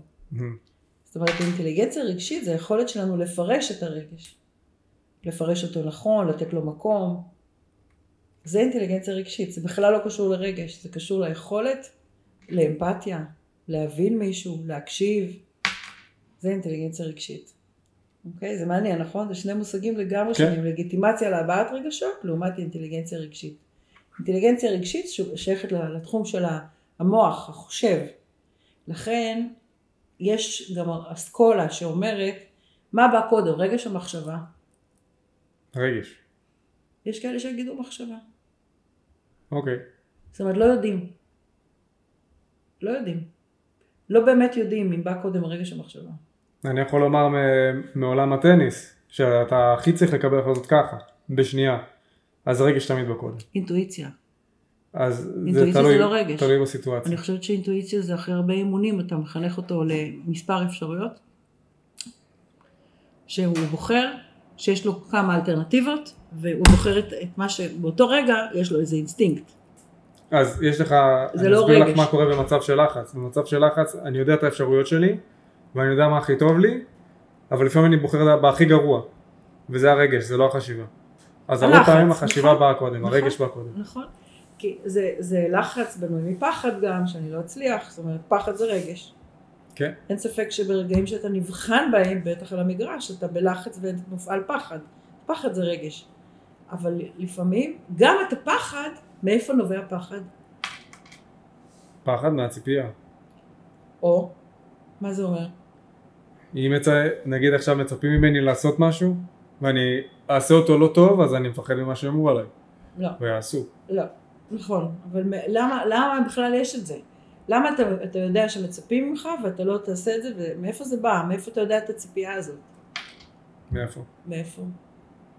תחשוב למה אתה פוחד, למה אתה פוחד מההורים, כי כבר חווית את זה. זאת אומרת, פחד, זה מדהים, הוא לא בא הרבה פעמים מאי ודאות, כי אתה לא יודע מה יהיה, אתה לא יודע לפחד ממשהו שעוד לא עשית. אתה לא יודע, אפילו שאתה קופץ בנג'י. אתה לא פוחד מהבנג'י, ממה אתה פוחד? מזה שנפלת פעם, נפלת משני מטר, קפצת ב- ביהודיה, אז אתה יודע מה זה לקפוץ חמישה מטר, אבל אתה לא יודע מה זה לקפוץ 150 מטר. הפחד היה כבר בחמישה מטר. זאת אומרת, הפחד הוא מהעבר, הוא מאירועים שחווינו. שהם בנו לנו את הפחד מהעתיד. כלומר, אין, העתיד לא קיים, אתה לא יודע לפחד מהעתיד. זה רק נדמה לנו, זה אשליה. אנחנו תמיד פוחדים, למה מפחדים מאש? כנראה נכוונו פעם. זאת אומרת, יש לנו חוויות שאנחנו פירשנו אותן כפחד ונרצה לא לחזור עליהן. כן. ואני חושבת שבטניס, תחשוב, כמעט כל הפעולות שעושים על המגרש, הם עשו אותם כבר פעם. נכון? אה. אומנם השחקנים אחרים, זה זווית אחרת, זה נראה אחרת, כל משחק הוא אחר, אי אפשר לשחזר משחק. כל מכה היא אחרת ברמה הזאת. נכון, אבל, אבל הם יודעות את המכות. התאמנתם על המון מכות. בסדר? נכון, זה, זה, זה, היריב נותן לך את זה בכוח כזה, בכוח אחר, לא משנה, אני לא נכנסת. אבל את המכות הן מכירות. זאת אומרת שעל פניו, הם, קמחי וראיתי אותה ומאוד אהבתי אותה. כי אם ראיתי שהיא עובדת נכון, חכם, היא חכמה, אינטליגנטית. וכשהיא באה מוכנה, היא ידעה מה היא עושה. היא פשוט הרגשת שהיא מובילה, שהיא יודעת מה היא עושה, נכון? אז איפה הפחד פה? שאתה מאבד לרגע את, ה, את יכולת ההובלה של, והשליטה שלך. כי מה זה אומר הובלה ושליטה? שאתה מכיר את הדברים. אפילו פדרר שהיה משחק, או נדל, הם ידעו את הדברים. פשוט לפעמים זה הצליח, לפעמים זה לא מצליח, נכון? ואז אתה מפחד, כי אם חווית כישלון, אולי עוד פעם זה לא יצליח לך. כן. פדרר לעומת אחרים, או הגדולים, הם פחות מפחדים מזה שלא יצליח להם. הם יותר מאמינים בזה שיצליח להם. יפה שאת אומרת את זה על פדר, כי פדר ידוע בזה שהוא הכי, הכי פחות טוב בלחץ, לעומת כל הביג. הכי פחות טוב בלחץ? כן. שמע, מספר המשחקים שהוא ניצח, לא הראו את זה. ברור, לא, יש, אבל הוא כישרון לא מעולם הזה. אם היה לו את הראש של נדל או את הראש של ג'וקוביץ', הוא היה לדעתי במקום אחר מבחינת תארים. תראה, אני לא יכולה להגיד שאני לא מאמינה לו, כן מאמינה לו, אני לא מתווכחת איתו. העניין הוא שהוא כל כך הרבה פעמים ידע להכשיל את הצד מולו, רשמה כן, מתכננת, שזה כן. בעצם נתן לו המון כוח. זאת אומרת, הלחץ, היה לחץ, אבל הגאונות שלו הייתה הרבה יותר גבוהה במאזן מול הלחץ. כן. המכות שהוא היה נותן, הדיוק של המכות שלו, זה משהו שאין, לא היה עוד אחד כמוהו. אני לא חושב שגם אי פעם יהיה, הוא באמת... אה. פנומן. לא יהיה, מתישהו יהיה, כמו שכל דבר. אם זה היה פעם אחת, זה יהיה עוד פעם. תאמין בזה, זה בטוח. אה, אולי בצורה אחרת. זה לא משנה, העיקרון הזה... ייחודיות כמו שלו, אני לא חושב שיהיה. כן, יהיה. זה, זה ידוע, אבל אם, אם זה כבר קרה, זה יקרה שוב. בגלל זה גם אומרים שהמדינה שלנו פה, אתה יודע מה המקסימום שהייתה מדינת ישראל, עם ישראל חי על מדינת ישראל? אני לא זוכר, משהו מעט, כבר עברנו את זה, לא? נכון, 74 שנה. כן. ואנחנו כבר בני 76 נראה לי. זכינו בעוד שנתיים בינתיים. כן, אז אנחנו בדרך להתפרק כנראה. מה שהיה הוא שיהיה. זה מדהים, כאילו, יש משהו בחיבור של היהודים עם השנים, עם המנהגים השונים, עם זה שבסוף מתפרק עלינו. אנחנו קרובים. בוא נקווה שלא. יש לך איזה מסר שהיית רוצה להעביר? הבמה עכשיו שלך. שמאוד נהניתי איתך. תודה רבה, גם אני נהניתי איתך. שיש מה ללמוד בעולם, העולם מאוד מסקרן. ושאני מאחלת באמת לכל אחד שיעשה את מה שהוא אוהב בו ומה שהוא טוב בו. השילוב של שניהם מביא לחיים מאוד מאושרים. ואיפה אפשר למצוא אותך? אפשר למצוא אותי בפייסבוק, אפשר למצוא אותי בגוגל, אפשר למצוא אותי בטלפון, בעיקר מפה לאוזן, מי שרוצה מגיע. מקווה שיגיעו אנשים מפה, באמת נהדר, מדהימה. אה, תודה רבה, ונתראה בפרק הבא. על הכיפאק.